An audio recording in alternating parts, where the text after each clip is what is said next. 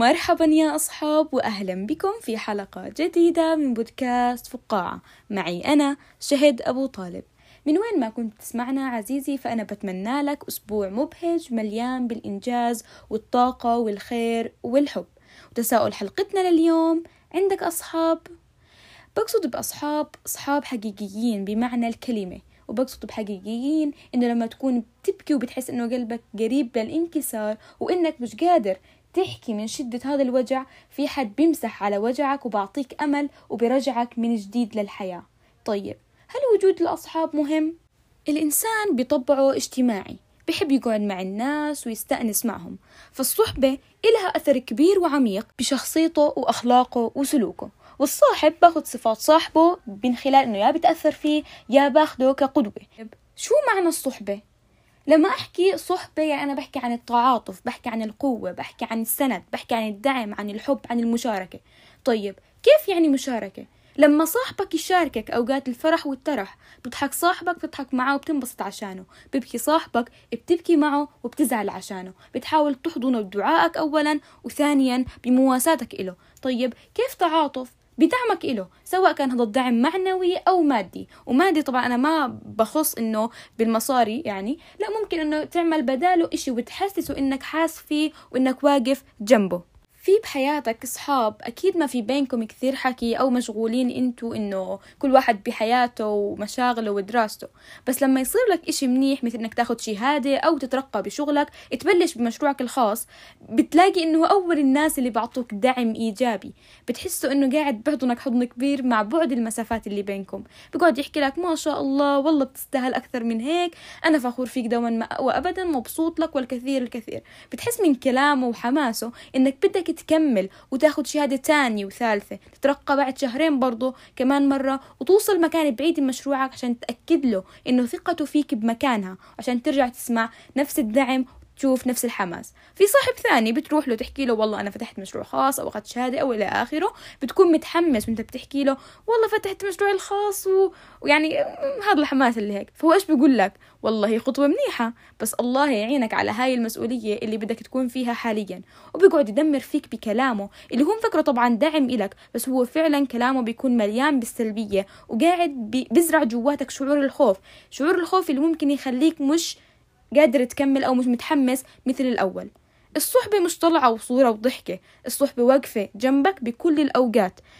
دائرة دعم كلام إيجابي ناس بيرشدوك للطريق الصح. حكينا الصحبة مواقف وغالبا الصحبة بتبين من أول موقف بيصير بينكم من أول لبس أو من أول مشكلة.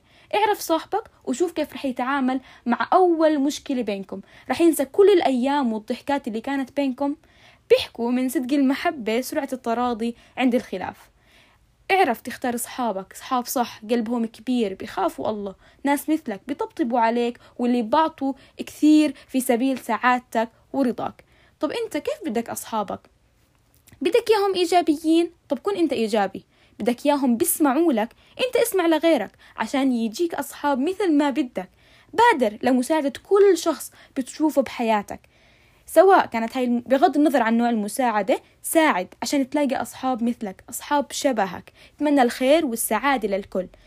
إيه، شجع الناس اللي بتحاول توصل لو بكلمة لو تعليق بسيط لو كتبت له أنت قدها مبدع ما شاء الله عليك صدقني هالكلمة. طبعا بتصنع الكثير للشخص اللي قدامك. خليك متعود على كلمات الشكر وتعود تعطي أكثر ما تاخذ. حب الكل. أنت كون نسخة حاب تشوفها بأصحابك. من وإحنا صغار أهلنا بيحكوا لنا جملة ولما كبرنا فهمناها صح. الصاحب ساحب. تأثير الأصحاب دايما بيكون قوي. تحكيش والله طبعا بدي أضرب مثال عن التدخين يعني ما لقيت أقرب مثال. فهنضرب مثال عن الأصحاب اللي بيدخنوا تقريبا. فتحكي لي والله صاحبي بيدخن. آه بس أنا مستحيل أدخن مثله يعني هو حر. لا انت لما تتعود عليه وتصير رايح جاي معاه وهو من باكيت دخان للباكيت الثاني راح تحكي له بالله هات سيجارة. أشوف شو عاجبك بهالدخان. بعد يومين بتقول له هات سيجارة. ترجع المسا أعطيني سيجارة. وهكذا.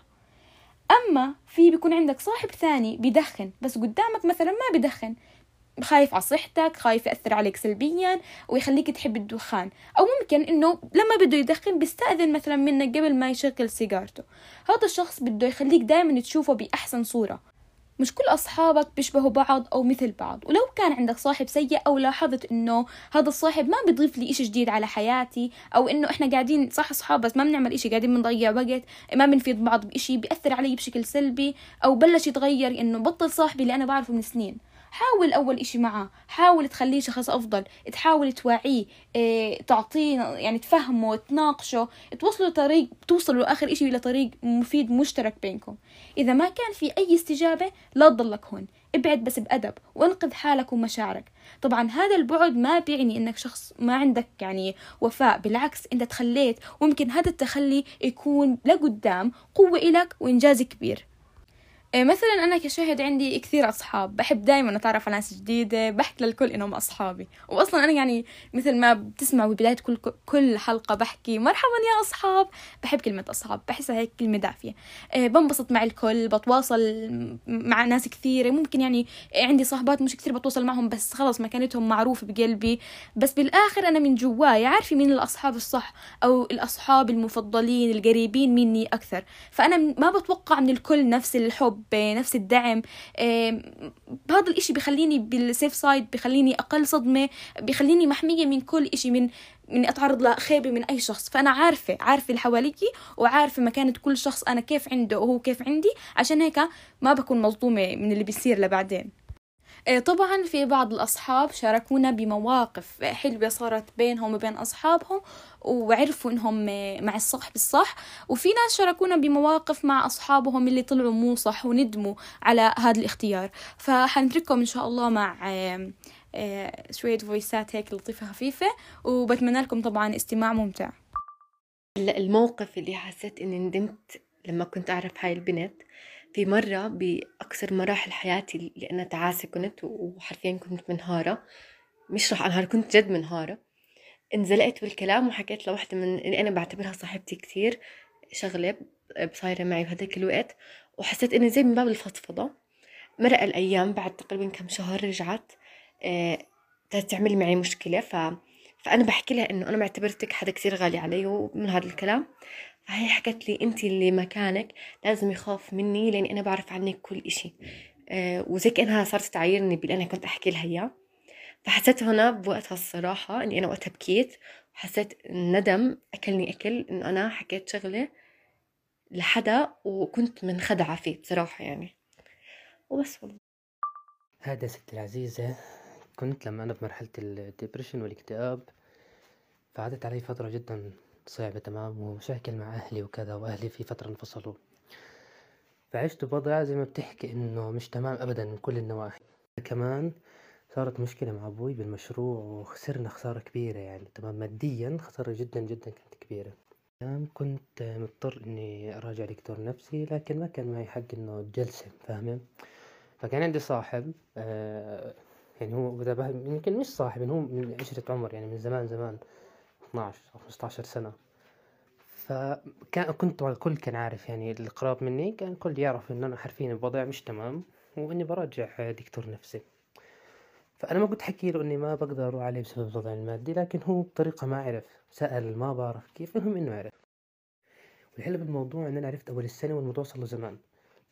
لكن هو اختلق أمر لحتى إنه طريقة ما إنه أنا أخذ الفلوس. فبيوم من الأيام أنا بدي أروح من الجامعة تمام؟ لقيت ظرف معلق عندي على مساحة السيارة. بفتح الظرف لقيت فيه شو مكتوب بالحرف؟ إنه أنت كنت دايما معي أو معنا فإحنا اليوم بدنا نكون معك. ولقيت فيه مبلغ مادي. أنا ما صرفت منه ولا إشي لحتى أعرف وما قدرت أعرف. لكن بالوضع اللي أنا كنت فيه فدفعت وكملت جلسات العلاج وكل شي تمام. فأنا ضغط الشغلة في بالي إنه فعليا بدي أعرف مين مين مين الإنسان اللي في هذا في هذا الوقت بالذات بيسأل وبيتبع على صاحب إله أو أو بيهتم لحدا. فاهم كيف؟ لما عرفت إنه هو طبعا حكالي وحلف ميت يمين إنه ما راح ياخد مني إيش فأنا كنت مبسوط لسبب إنه فعلا لأول مرة لأول مرة حسيت لما بدي أميل ما راح ما راح أوقع. حسيت جد لما أنا بدي أميل راح يكون في حد ساندني. فهاد كان إشي إشي فعلا مش بس أثر فيي يعني أعطاني دافع مية بالمية إنه لا وأنا لازم أتغير و و و فكان إشي جد جد ما ما راح أنساه بالمرة. فالأمر كان بالنسبة إلي كتير عظيم. أنا يعني أنا يمكن شفته عندي بالدنيا كلها. والله. حرفيا بهذا الوقت بتقدر تحكي عن هالإنسان إنه هو صاحب وإنه هو جنبك. مش مش مش مجرد كلام أو مجرد مسجات أو أو كذا بالوقت الحالي عم نشوفه.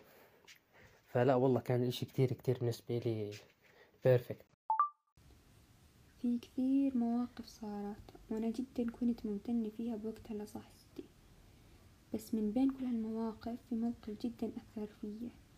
بوقتها كنت بحكي مع صاحبتي وكنت فعليا يعني متضايقة ومطفية والحياة ضايقة فيا. فبعد شوي آه، بسمع إنه الباب عم يندق فشفت صاحبتي إنها جايبت لي حبتين شوكولاتة والموقف فعليا يعني بسيط بس إنه قديش إنه أثر فيا وكل الحب لله بس. لما صار معي موقف أزعجني وترددت أحكي لأي بني آدم خوف من إنه ممكن أنفهم غلط أو أصغر بعين الشخص أو إشي. رحت حكيته لصاحبة معينة إلي وبكل حنية كانت ردة فعلها عبارة عن لهفة وخوف علي وعلى قلبي من إنه كان ممكن يكون صار لي إشي. مع إنه متأكدة أنا مليون بالمية لو انحكى لصاحبة تانية كان راحت تركتني بأي حتة ممكن تنحكى بهذاك الوقت. ولما بنفس نبرتها الحنونة كانت ترد على كل موقف خوف علي وقبل ما تشوف الموضوع غلط مني أو لا. تتأكد إني بخير أو انضريت قبل لا تعاتب أو تجاوبني عن الموضوع نفسه. هون كنت متأكدة إنها الصاحبة الصح بحياتي وإني ممتنة لوجودها كثير. ولهون بنكون وصلنا لنهاية حلقتنا لليوم. صراحة من الحلقات المفضلة عندي وحبيت وأنا بحضر لها وأنا بسجلها وأنا بستشير أصحابي فيها حتى. فكثير مبسوطة من هاي الحلقة وممتنة طبعا لكل حدا سمعني ولكل حدا كنت جزء من يومه. آه، بحب أوجه لك آه، هيك قلوب كثيرة وامتنان كثير. نلقاكم في حلقاتنا القادمة بإذن الله تعالى وإلى اللقاء.